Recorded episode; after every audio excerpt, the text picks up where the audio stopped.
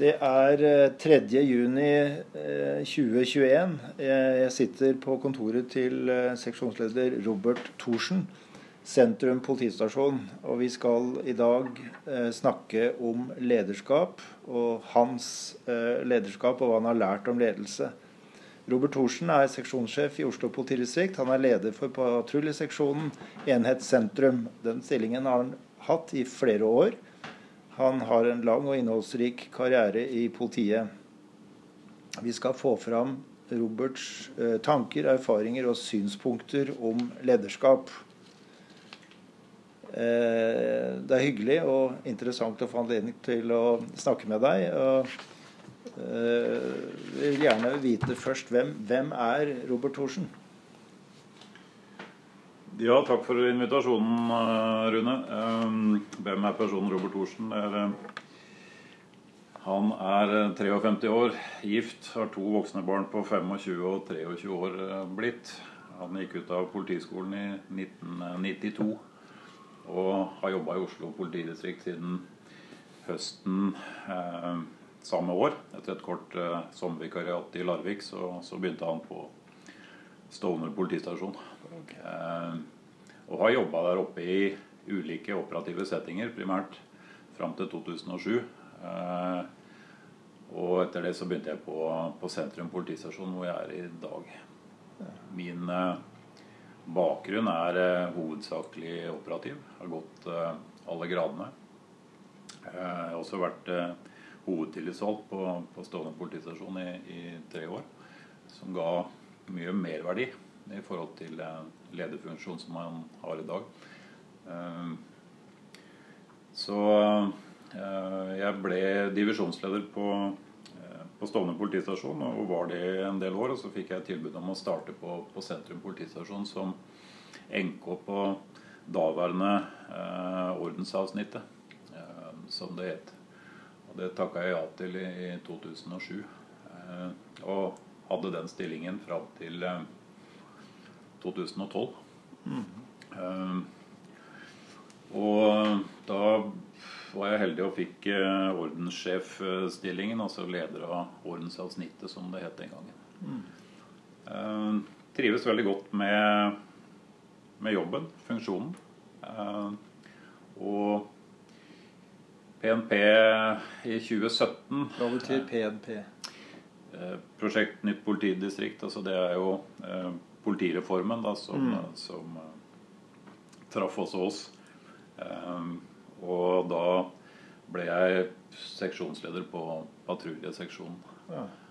Og her sitter jeg ennå.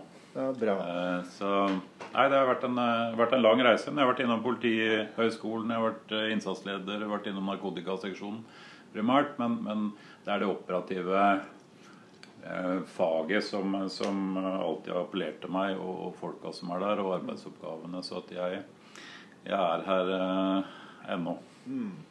Du er en som liker å ferdes på to hjul. Eh. Ja, det gjør jeg. Jeg er en eh, aktiv uh, syklist.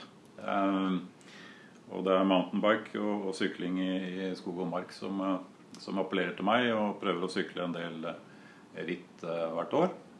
Og så kjører jeg motorsykkel i tillegg, så det er, det er på to hjul jeg trives best. Ja, bra. Og er, du sykler til og fra jobb eh, året rundt, har jeg forstått? Ja, det er riktig. Det, er, eh, det gjelder bare å bytte sykkel og rett sykkel til rett føre. Dvs. Si at når, når, isen kommer, så må man hekte ned sykkelen med piggdekk. Så ja. er det bare å fortsette. Vurderte du noen annen yrkesvei, en annen utdanning enn politiet?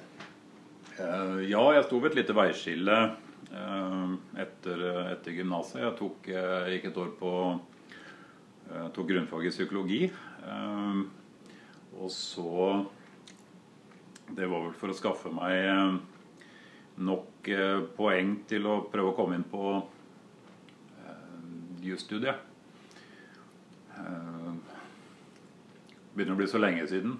Jeg tror det er litt feil rekkefølge, for jeg kom ikke inn på jusstudiet. Sånn var det. Jeg mangla et tidelspoeng, så da begynte jeg på, på psykologi grunnfag. Ja. Eh, men så hadde jeg også tatt en, en utdanning i, lederutdanning i Forsvaret. Ja.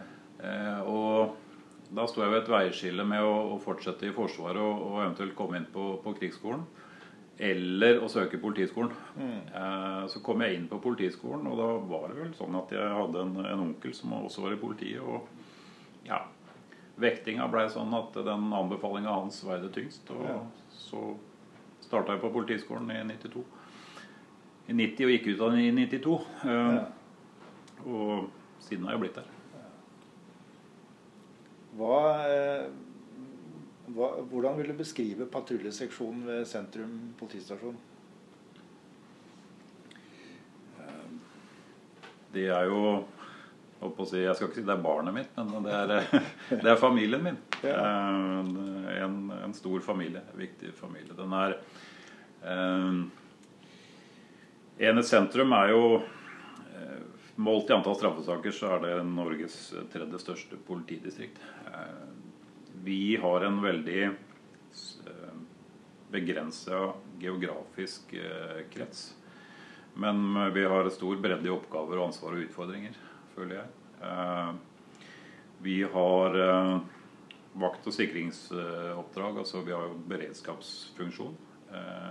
Og så skal vi jobbe forebyggende for å forhindre kriminalitet. Oppi alt dette her så har vi eh, Karl Johans gate, Hovedgata. Vi har Stortinget, regjeringskvartalet. Eh, mange store samfunn, altså samfunnsinstitusjoner som er i kretsen vår. Eh, vi har vakthold ved synagogen. Og så har vi også Norges største konsentrasjon av eh, utelivstilbud. Mm i Oslo sentrum. Og så vi, skal vi håndtere også Norges største åpne rusmiljø. Så vi har, eh, vi har mange oppgaver å ta fatt på. Eh, og som krydrer hverdagen spesielt også, det er, eh, det er mange store arrangement. Mm. Og demonstrasjoner med mer. så vi gjør det. Mange av, dette, mange av disse oppdragene løser vi alene. Eller så er det en, et Oslo-fellesskap i en total. Mm. Så hvor, hvor, Kan du si noe om hvor mange medarbeidere som, som du har ansvar for? Sånn cirka? Vi kommer kanskje litt tilbake til det underveis, men, men sånn måten vi er organisert på per nå, er, er vi delt inn i tolv uh, rene patruljeavsnitt. Uh, og så har vi et uh, 13 avsnitt som jobber opp i, imot de åpne rusmiljøene. Eh, så totalt så er det bortimot 200 tjenestepersoner som jobber på seksjonen. Hmm. En stor, eh, veldig stor enhet, med andre ord. Ja, det gjør det. Eh, hva vil du si kjennetegner patruljeseksjonen? Altså, hva slags verdier er viktige her?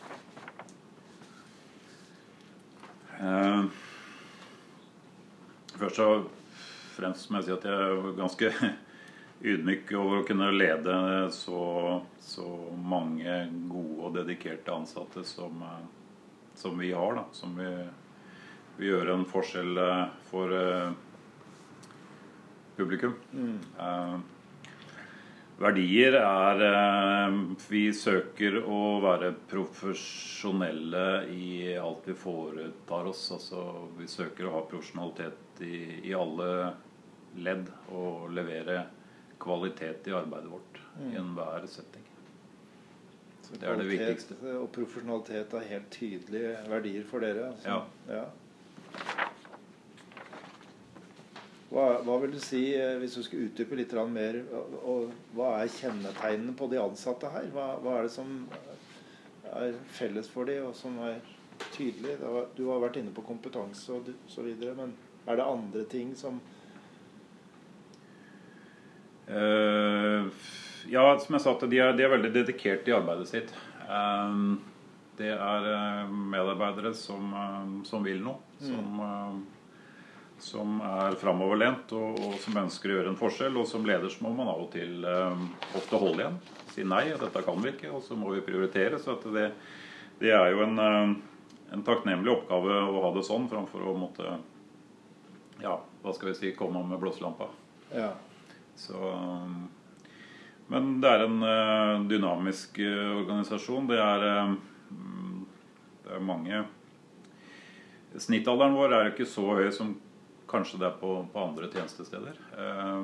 Oslo sentrum, Oslo politidistrikt, har alltid vært et sted hvor, hvor veldig mange begynner i, i tidlig alder. skaffer seg en del erfaring. og så er det andre forhold som gjør at man kanskje flytter på seg, etablerer familie etc. Og, og, og, flytter videre eller går videre i karrieren sin. Mm. Så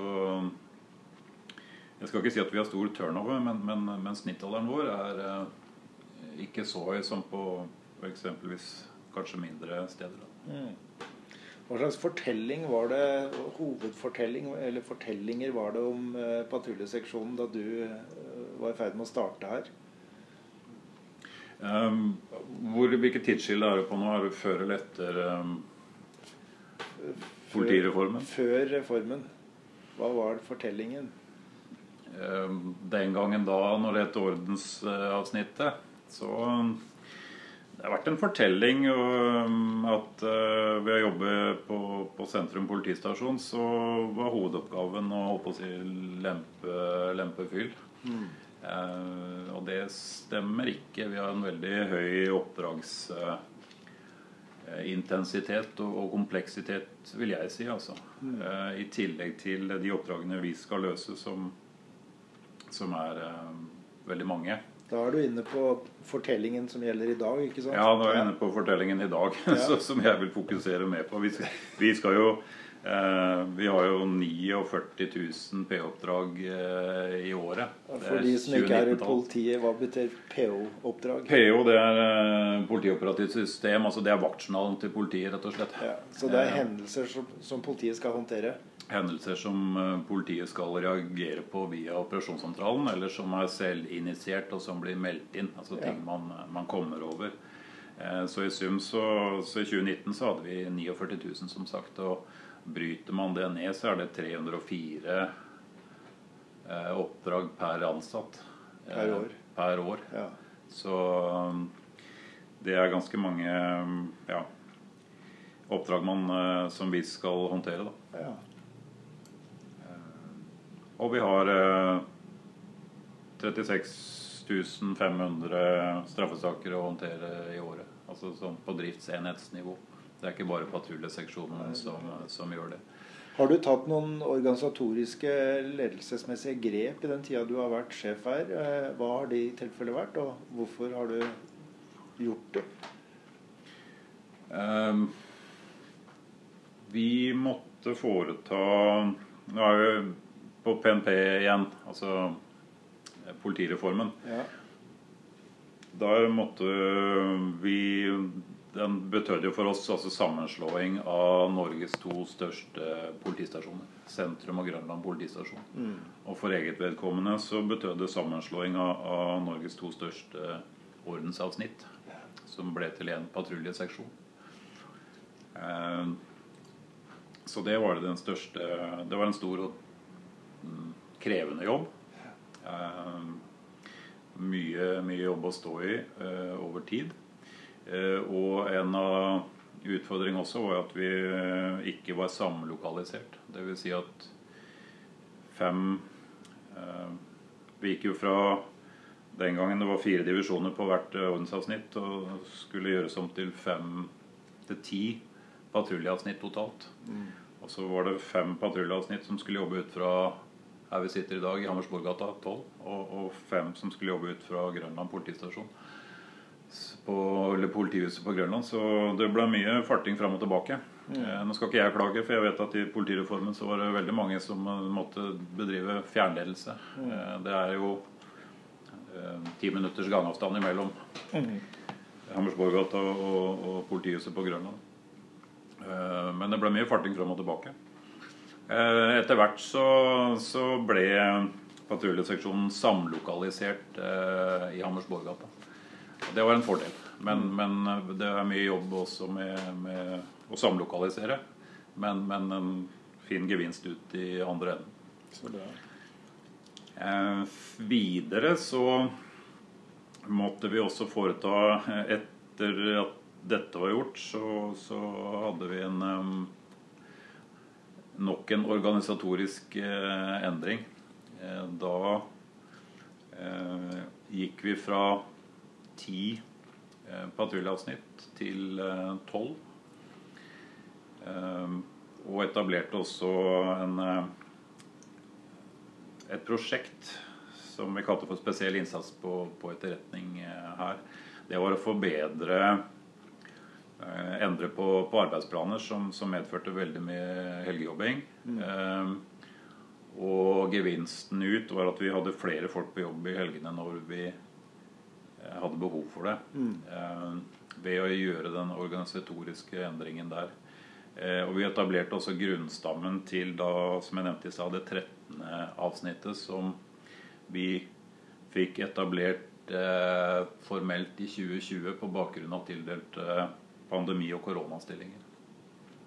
Så det har vært en eh, eh organisatorisk eh, endringsreise eh, som pågår fortsatt fra 2017 og til dag. Eh, i, som har satt sitt preg på, på, organisasjonen vår, og også meg selv. vært veldig mye endringer. ja.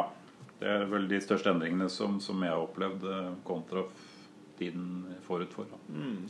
Vi skal komme litt inn på lederskap og ledelsesprosesser. Altså Det ledelsesbegrepet det er jo et uh, ganske diffust begrep og har mange mange definisjoner og ulike forståelser. Uh, men, og det er i hvert fall knytta til konteksten. Og det, konteksten din er jo politi pluss operativt politi, eller patruljeseksjonen lokalisert her i Oslo. Mm. Du er leder for en meget synlig og viktig seksjon, vil jeg påstå. Du har en egen ledergruppe. Og du er, etter det jeg kan forstå, også deltaker i en, en større ledergruppe. Altså, det er, det er mange arenaer hvor eh, lederskap uh, utøves. Men hvis vi ser på patruljeseksjonen, hva er det som er spesielt viktig her? Hva er det som teller? Hva blir verdsatt hos dere? Hva legger dere vekt på? Ja, Det er riktig som du sier at det er ledelse på mange mm, forskjellige nivåer. Eh, det som blir eh, verdsatt og som er viktig for oss, eh, det er jo som jeg nevnte i stad, at vi er profesjonelle i alt vi gjør. At vi leverer på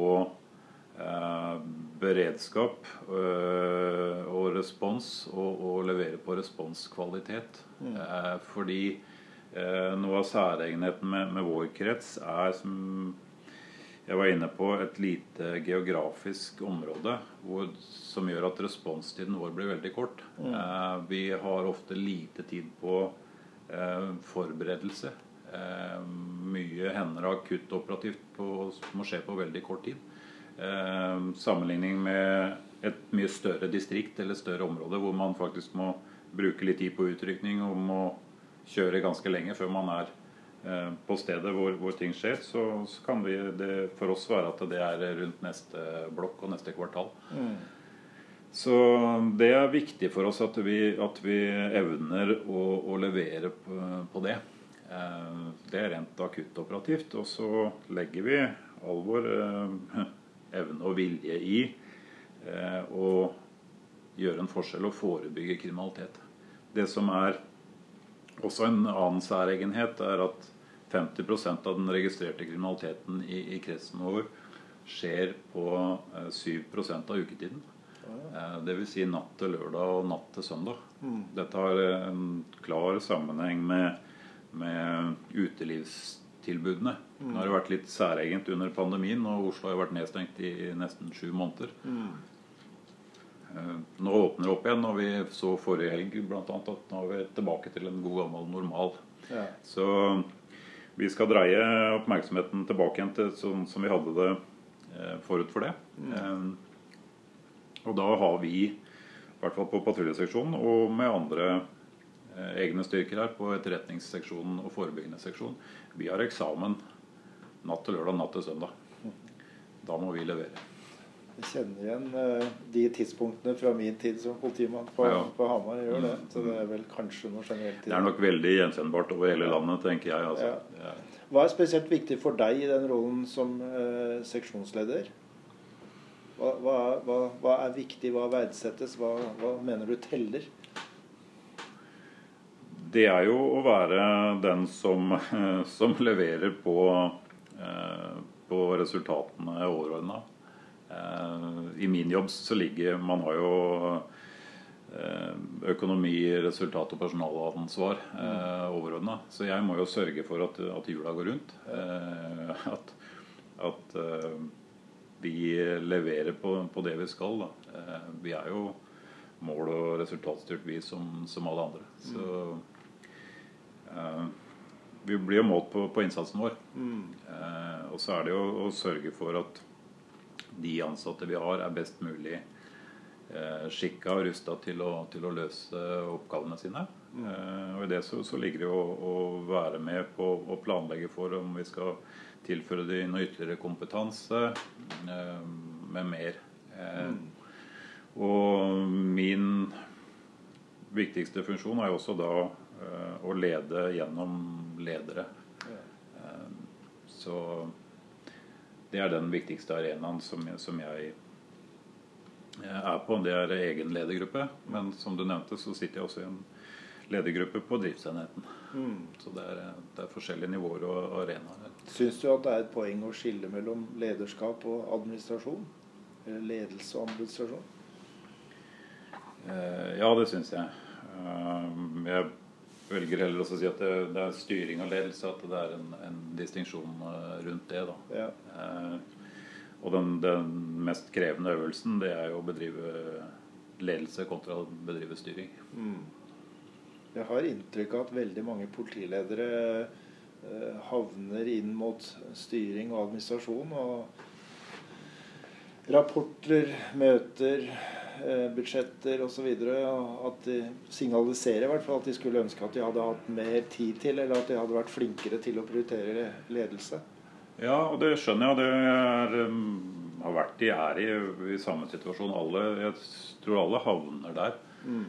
Men uh, det gjelder å komme seg opp igjen og så få den overhøyden. Altså, jeg er veldig glad i, i um,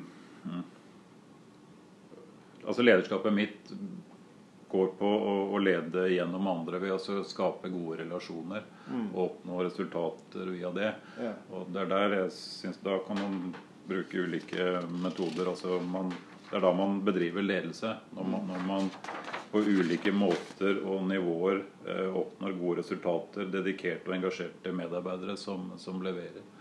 Eh, men man blir jo veldig spist av en del eh, gjøremål som bare må Altså administrasjon som bare må gjøres.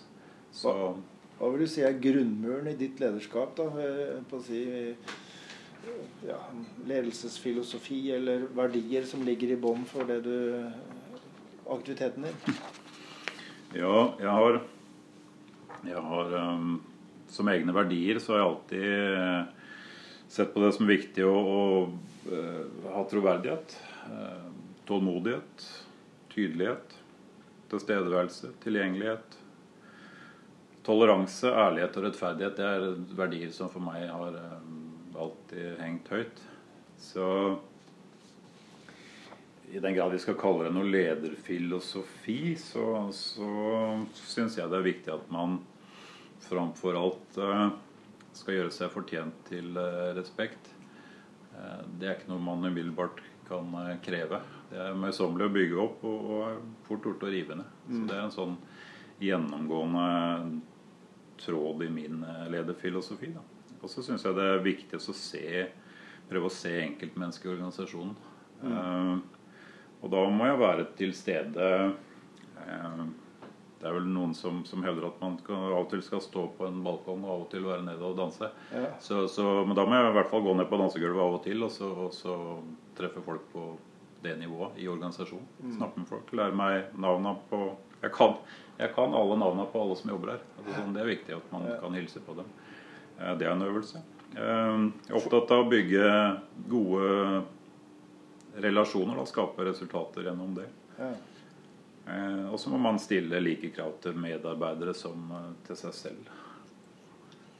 Så det er vel en sånn tråd når det gjelder egen filosofi på hvordan man skal Mm. På å si, sitter så mye av eh, den operative eh, politimannen Robert Thorsen i deg, sånn at du kan stille gode spørsmål og forstår de utfordringer som mannskapene har? Og kan føre en, hva skal vi si, en operativ, eh, faglig samtale? Ja, fortsatt så føler jeg det, men, men jeg er jo rusten på alt, og det skal jeg være. Altså sånn Man skal være god faglig eh, i det operative, så man skal være på, på forebygging og på, på etterretning og på etterforskning. Altså alle, på alle nivåer. Eh, Selv så er jeg fortsatt eh, operativt godkjent og har mye glede av å delta på de sertifiseringstreningene for å ja, være på dansegulvet igjen. Eh, og det gjør også i stand til at jeg kan i normalsettinger altså lede barnetoget i Oslo sentrum, jobbe ved Stortingets høytidelige åpning eller på Nobels fredspris. At man da kan være ute og ha litt kontakt med eh, det operative. Så, så alltid så har det vært, eh, vært viktig for meg og hatt stor interesse av det.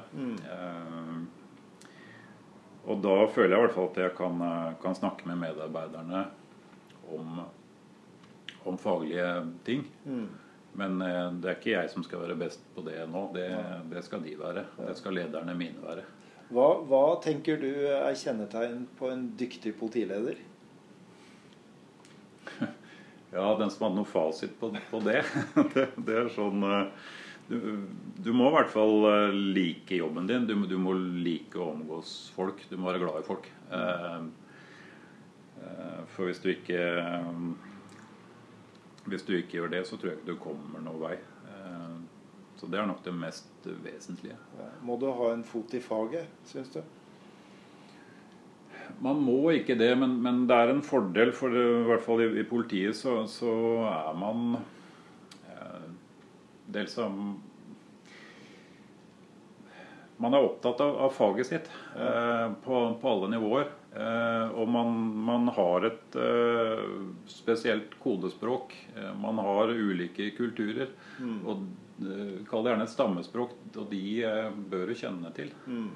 Eh, og da eh, Sånn er vel skrudd sammen at da er det vel enklere å eh, si at eh, ja, nå er du en av oss. Altså sånn du, du kjenner kodeksen vår, du kjenner stammespråket vårt. Jeg tror du kan finne ganske mange paralleller til det både i helsevesenet, utdanningsinstitusjoner, Forsvaret med mer. Så. Hvordan, eh, altså Jeg kjenner jo deg eh, gjennom ganske mange år og vet at du er bevisst i forhold til å utvikle deg og ditt lederskap. Hvordan jobber du med å utvikle deg som leder? Dels har jeg vært heldig å kunne tatt eh, lederstudier på Politihøgskolen i, to omganger. Det må jeg si har, styrka meg. Og har tygd litt på tanken om kanskje ta en master, eller har ikke helt kommet i mål med det ennå. Eh, så det å ha, ha teori og så og så henge, altså knytte praksisen til, mm. og, og finne altså Det er gjenkjennbart i, i ledelsesteori. Det har vært viktig.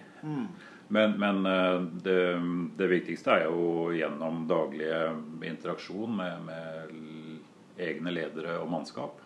Og så er jo de formelle arenaene, altså avsnittsledermøter, eh, seminarer eh, med mer, studieturer. Eh, vi har vært besøkt spesielt politiet både i Gøteborg og Stockholm for å dra lære av dem. Eh, erfaringsutveksling. Eh, og da oppsøkt og så sett på de samme problemstillingene, hvordan vi, vi løser det. Mm. vi jobber mye med, med kompetanseheving. Drar inn eksterne forelesere. Eh, diskuterer ledelse. Prøver å Spesielt den erfaringslæringen det gir eh, når en avsnittsleder kan, kan dele kunnskap eh, faglig eh, på oppdragsløsning. Men fremfor alt også hvordan man løste et problem, en konflikt. hvordan man kan Det personalpolitiske eh, hvordan man håndterer det på, på best mulig måte, mm. det er krevende. Mm. Eh, og da er det viktig at, man, at vi kan, har et rom hvor vi kan snakke sammen og lære av hverandre. Mm. Eh, evaluere og reflektere rundt, rundt dette her. Hvordan opplever du at det er å lede gjennom andre ledere? Altså du skal lede ledere, som du var inne på tidlig.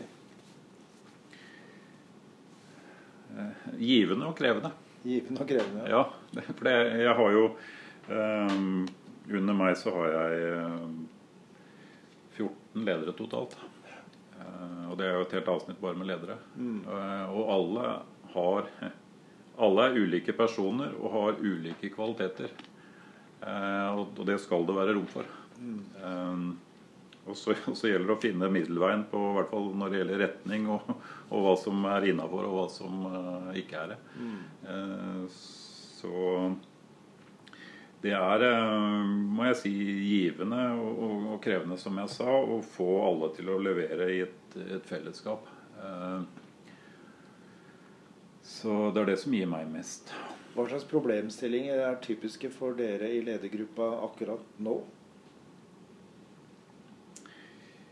Um, Uten at du behøver å gå i detalj på operative ting som Ja. Um, det er jo hele tiden å akseptere altså, Vi er jo hele tiden opptatt av ressurser. Um, men vi må akseptere de ressursene vi har. Uh, og, og, sikkert for, for, mange andre så er det gjenkjennbart at vi det fører ingen vei å fokusere på, på ressurser vi ikke har. Eh, det ble litt sånn Petter Stordalen. Du, eh, bærefilosofien hans. Du har de bæra du har, og de må du selge. Eh, så, så, vi må fokusere på å, å, få mest mulig ut av de ressursene vi til enhver tid forvalter. Ja, og det er felles, en sånn gjennomgående løpende diskusjon som dere har? Selvsagt er det det. Men det, det kjenner jeg igjen fra, fra, veldig mange andre, andre venner og kollegaer jeg har. At det er nok gjennomgående på, på alle arbeidsplasser. Mm. Man hele tiden kan ønske seg mer ressurser. Eh, men det er en grense for hvor mye du kan få, så da må du fokusere på hva, hvordan kan jeg få mest mulig effekt ut av de ressursene jeg har. Mm.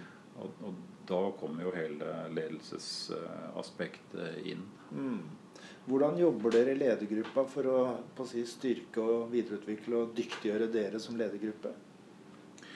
Um, litt av det jeg nevnte uh, med de formelle arenaene, uh, eksterne foredragsholdere, uh, hele tiden søke å, få kompetansepåfyll. Mm.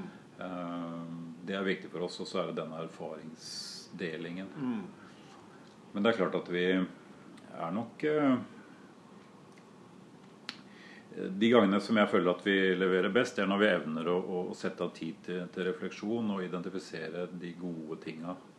Eh, vi går oss litt bort i eh, ofte hva som, hva som eh, ikke fungerer. Mm. Eh, og så glemmer vi å se på alt det gode som faktisk eh, fungerer. Mm. Og det er det mye av. Ja. Eh, så der har vi en jobb å gjøre, og det, det forsøker vi. Men, men spiker opp de, de, gode historiene på veggen. Ja. Her lyktes vi godt. Her leverte vi jammen bra. Mm. Eh, og da blir det litt mer Da blir det bedre stemning og litt mer entusiasme alltid. Ja. Når vi klarer det. Hvor tett på er du i ditt lederskap, vil du si? Jeg ønsker nok å være mye tettere på enn det jeg er, men, men det er eh, begrensningene og arbeidsoppgavene som, som, som setter en, en, eh, en, stopper for det. Men så er det Man skal jo også gi litt rom for, for autonomi her. Altså man skal Jeg kan ikke være kontrollerende i alle settinger. I politiet så, så altså, Som i alle andre si, virksomheter så skilles det jo mellom hverdagsvirkeligheten og driftssituasjonen og det litt mer strategiske. Hvordan balanserer du eh, mellom de to eh, hva skal vi si, perspektivene? Ja, den derre balansen mellom den Det var vel det jeg leste en gang. Det handler om å balansere strukturell eh, logikk. Altså styring og kulturell logikk. Altså ledelse. Det er ja. Jeg har ikke noe godt svar på det. Eh, det tror jeg er veldig individuelt. Mm. Eh, men det viktigste er at man, man evner også å se, se forskjellen på det Mm. Eh, for seg selv. Mm. Nå bedriver jeg ren styring, og nå bedriver jeg ledelse. Mm. Og så søker i hvert fall jeg å hele tiden ha prosenten på ledelse, eh, at den skal være mer enn 50. Ja. Så dette er begrepet på å si, balkongen da, for å få oversikt og uh, altså framsyn og se litt lenger fram. Men akkurat dagen i dag eller denne uka, den balanserer du mot eh, daglig drift. Ja. Ja. Og, og det må man. Men, men veldig ofte så, så blir man eh, spist av, av akutte hendelser og dagsaktuelle ting som gjør at man eh, eh, ja, ramler litt ned på stigen. Så da gjelder det å klatre opp på balkongen igjen for å få det overblikket og se litt lenger fram. Det, det er viktig at man evner, i hvert fall. Lyst til å komme litt inn på rollen som seksjonsleder. Ja. Eh, Hva gjør faktisk en seksjonsleder? Altså, Hva er en typisk arbeidsdag for deg? Det er jo Det er mye møter. Ja, Ja. Eh, På mange, mange arenaer. ja, Eh, og så er det en del planlegging, og mailsystemet er jo en, både en velsignelse og en forbannelse.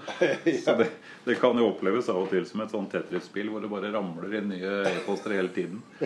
Som du Eh, må ta stilling til, ja. Ofte så må man det, og så ser man også som eh, både seksjonsleder og det vet jeg også driftsenhetslederen her opplever, at veldig mange sender ukritiske e-poster, men man setter gjerne eh, en høyere leder på kopi, så man skal se at man har gjort noe. ja. Men, men det tar jo tid til å gå gjennom alle disse e-postene, og så, så skal man også konstatere at nei, den, dette var bare en ren informasjon, her skal jeg ikke foreta meg noe. Så, så alt dette i sum spiser veldig mye tid som kanskje kunne vært brukt til, til andre ting. Så, så det gjelder å få inn den balansen også. Ja. Eh, så er klart Skal man være ordentlig strukturert, så, så bør man sette av eh, Sette av kanskje to timer noe per dag. Henge en lapp på døra, ikke forstyrr, og så går man gjennom e-posten, og så er man ferdig. Mm. Eh, ellers så blir man sittende, og da blir man slukt foran skjermen. Mm. Eh, og det er jo ikke der i sum ledelse bør skje, da. Det bør skje uh, mer med direkte kommunikasjon. Mm. Uh, og snakke med, med medarbeidere og ledere. Hva motiverte deg da til å søke jobben og gå inn i den rollen her? Ja, det er en, det er en sånn lang tråd. Eh, Jeg sa innledningsvis at eh, det å, å Ja, helt fra, fra tidlig alder av så har jeg alltid tatt ledelse. Likt å, å bli tildelt eh, ansvar og oppgaver og hatt en tilfredsstillelse når jeg har klart å, å løse det. Så det har liksom eh, Etter hvert så har det eh, skilt seg ut som, som mitt spor å velge. Um, og etter hvert da så søker man, eh, man oppgaver.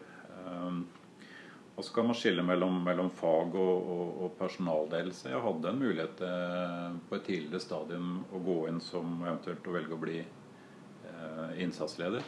Eller operativ utleder, som det het den gangen. Mm. Eh, men hadde samtidig sto et veiskille igjen. Eh, en, en mulighet til å bli divisjonsleder. Mhm. Og igjen da, jeg er veldig glad i folk, så derfor så, så valgte jeg å satse på personalledelse. Mm. Så det var veivalget. Ja. Så, så i sum igjen så, så er det det som betyr mest for meg. Var det noe som konkret overraska deg da du begynte i den stillingen her? Noe du ikke var forberedt på, eller noe du syntes var morsomt, rart, interessant? Den stillingen som jeg sitter i nå, Ja. eh, det ble bare mer av alt. ja. Eh, mer å gjøre, større ansvar eh, etc. Og, og det er klart, som jeg sa, det, det store veiskillet i 2017 med, med reformen, det, eh, det har vært krevende. Der eh, har det vært mye jobb. Eh, og da har man også følt på at man har vært tett oppunder rødmerkinga Ja. og hva som er sunt. Men uh, vi har landa. Du er, Vi var inne på det tidlig på det første punktet når vi skulle bli mer kjent med deg, at du, du driver fysisk aktivitet. Er du bevisst på balansen mellom arbeid og fritid, og, og, hva du må gjøre for å samle og få påfyll av krefter? Jeg har alltid prøvd å være det, og mener at jeg er det den dag i dag. Eh, ser viktigheten av å holde meg fysisk eh, i form. Og, og, samler også krefter når jeg får vært på, på hytta. Eh, det å stå og male en vegg eller, eller snekre på noe, at man får eh, gjort helt andre ting og tenkt på noe annet, er særdeles viktig altså, for å få tappa av. Eller på kunstutstilling, som vi snakka om da vi Ja, det gjorde vi. Det, det stemmer, det. Ja, eh, veldig kunstinteressert og liker å gå på museer og, og gallerier i, i tillegg. Det, det, er også en lise for sjelen. Ja. Hva vil du si eh, kjennetegner en dyktig leder i den rollen du har i dag? Hva, hva, hvordan vil du beskrive en, en dyktig eh, seksjonsleder? Evnen til å, til å multitaske. Mm. Eh, finne den, den, rette balansen mellom, eh, mellom å styre og, og, mellom å lede. Eh, prøve å, å, å, være tett på og, og være si, dagsaktuell. Mm. Evne å tilpasse organisasjonen. Vi, vi, er jo et samfunn eh, som er i stadig endring og utvikling. Mm. Så det gjelder liksom å henge med i de, i de svingene der. Mm.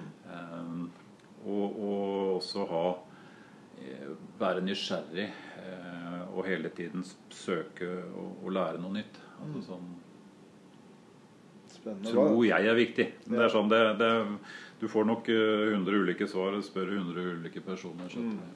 Hva opplever du som det mest krevende i den lederrollen du har?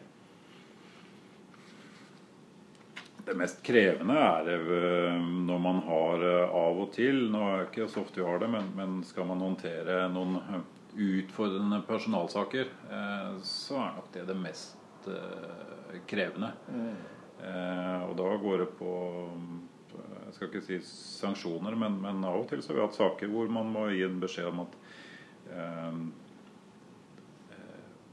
man ikke kan fortsette på patruljeseksjonen av ulike årsaker. Mm. Det er krevende å håndtere. Da skal vi gjøre det ordentlig. Mm. Og innafor eh, regler, eh, rammer og lovverk. Mm. Gå litt over i, i rollen som leder i det offentlige. Det er jo åpenbart at politiet er en del av offentlig sektor, og at politiet skal bidra til å skape verdi for samfunnet og for den enkelte beboer. Hvordan, hva tenker du om å være leder i det offentlige? Eh, det har jeg tenkt mye på. Jeg har aldri glemt Én ting jeg lærte i hvert fall når jeg, studerte. Uh, og det var en, en dansk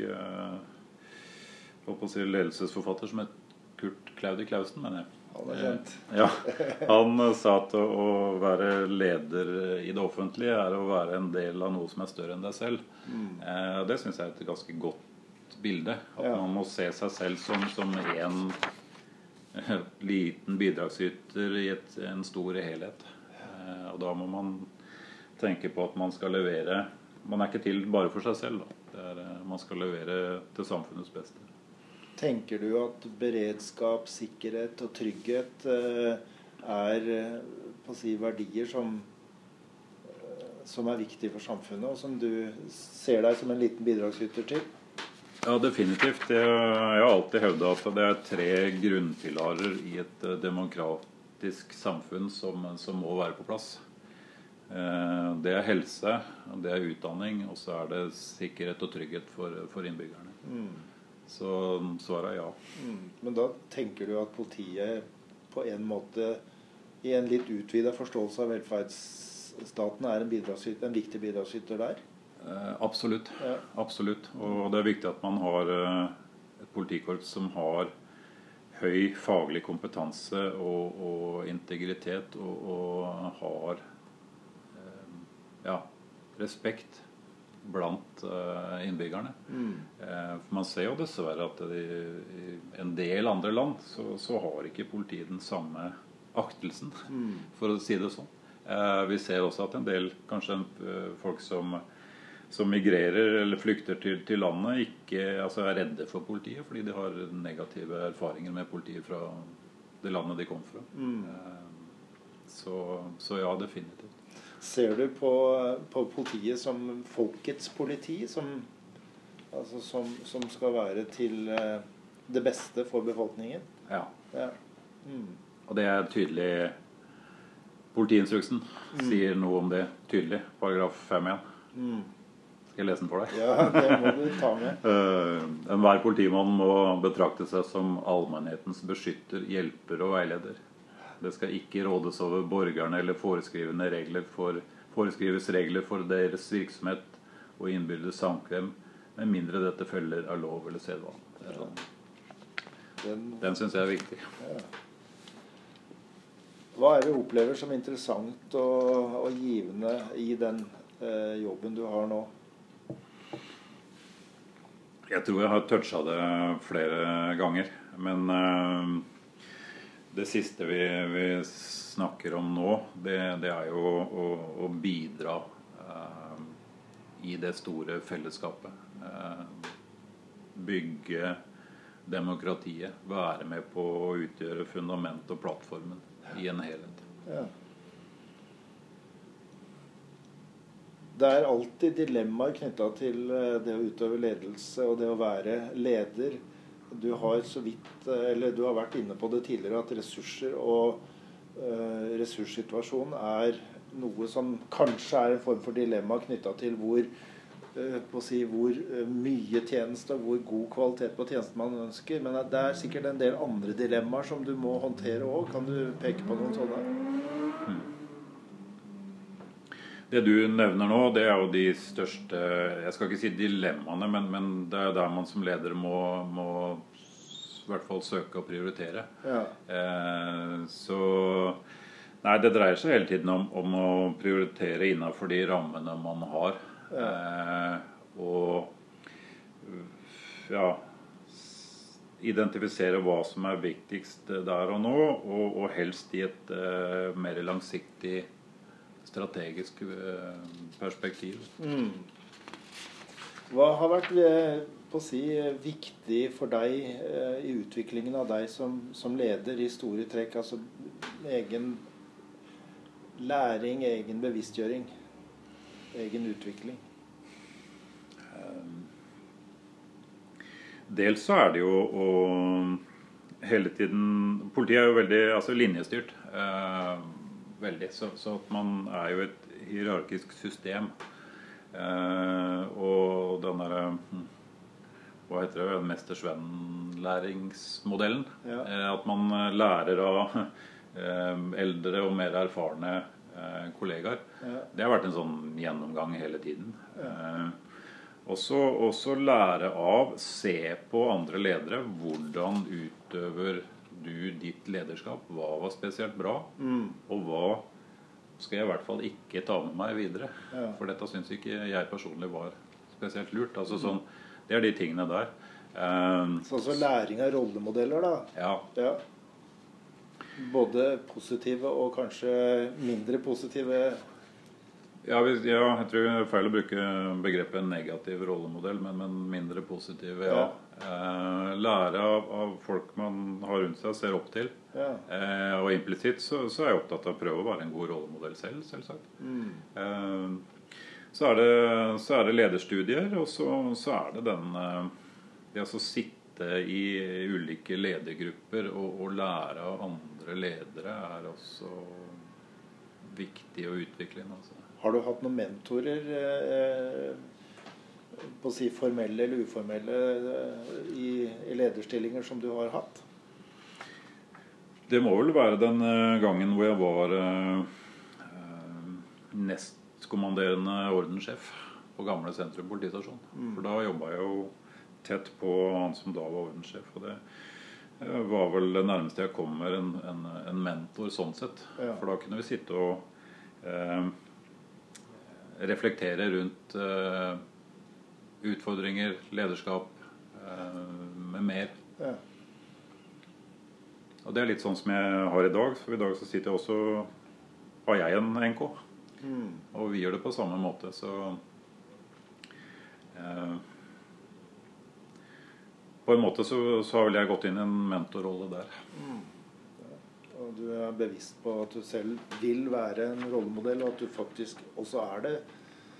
Ja, det, ja, det er viktig. Men det er klart, vi, jeg har jo en eh, leder over meg igjen som, eh, som jeg også bruker som en sparringspartner og, og en mentor mm. i ulike settinger. Selv om jeg har, eh, har et stort handlingsrom og, og, mye selvstendighet i jobben min. Går det an å spørre deg om, om, om det har vært en en eller noen få beslutninger i karrieren din som politileder som har vært eh, spesielt krevende?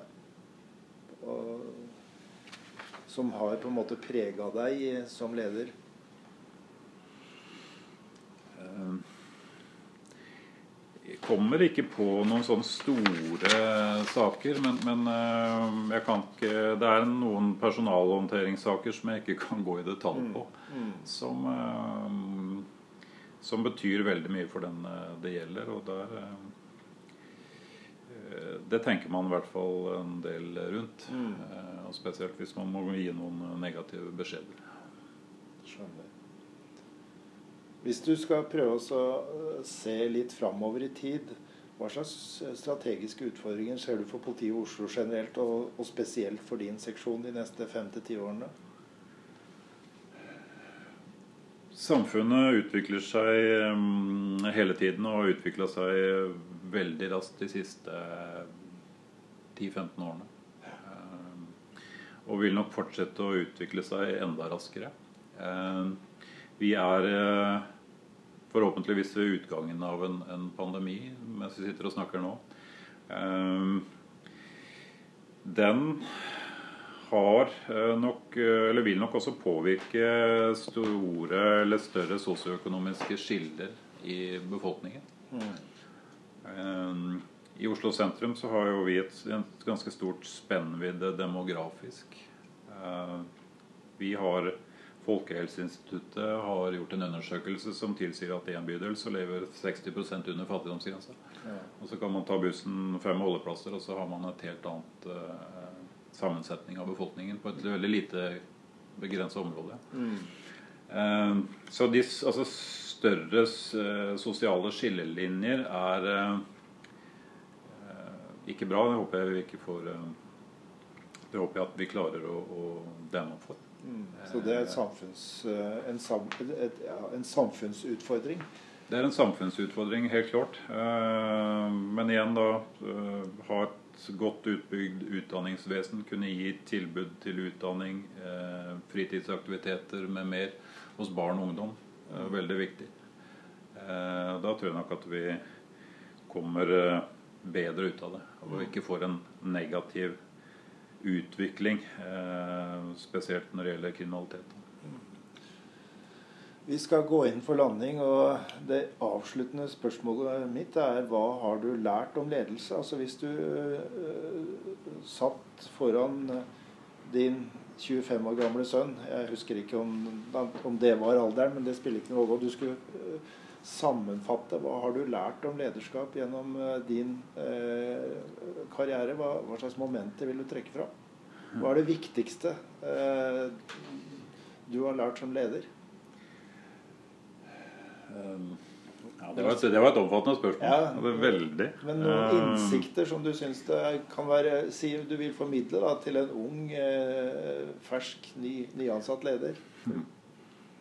Du må i hvert fall eh, Det som er viktig for meg, og som jeg har lært av og, og sett på andre ledere, at du må alltid Du må aldri love noe du ikke kan holde. Du må alltid være ærlig. Eh, igjen, du må holde, holde det du lover, og stå inne for det. Og i hvert fall jobbe mot, eh, mot, det du har sagt. Eh, og så må du være møysommelig når det gjelder eh, å gå litt tilbake til egne verdier igjen. Mm. Du må kan ikke kreve respekt, du må gjøre deg fortjent til det. Mm. Da tror jeg du kommer langt. Ja. hva, eh, hva, hva slags fortelling ønsker du skal være den store fortellingen om patruljeseksjonen eh, når, når du en gang går av med, med pensjon eller går over i en annen stilling? Hva ønsker du skal være ditt avtrykk? Det her blir liksom mm. jeg, jeg, tror jeg, jeg, har ikke noe spesielt avtrykk å sette sånn sett, men, men uh, vi eh, Det er den røde tråden som vi har, eh, og som er viktig for oss. At vi hele tiden skal levere profesjonalitet og kvalitet til det beste for borgerne og det beste for ja, kall det, altså politiets samfunnsoppdrag. Mm. Eh, som gjør at det blir trygt og godt å, å, å leve i, både i byen og landet. Da setter jeg strek og sier tusen takk til Robert Thorsen for en interessant og lærerik samtale. Tusen takk. Takk skal du ha.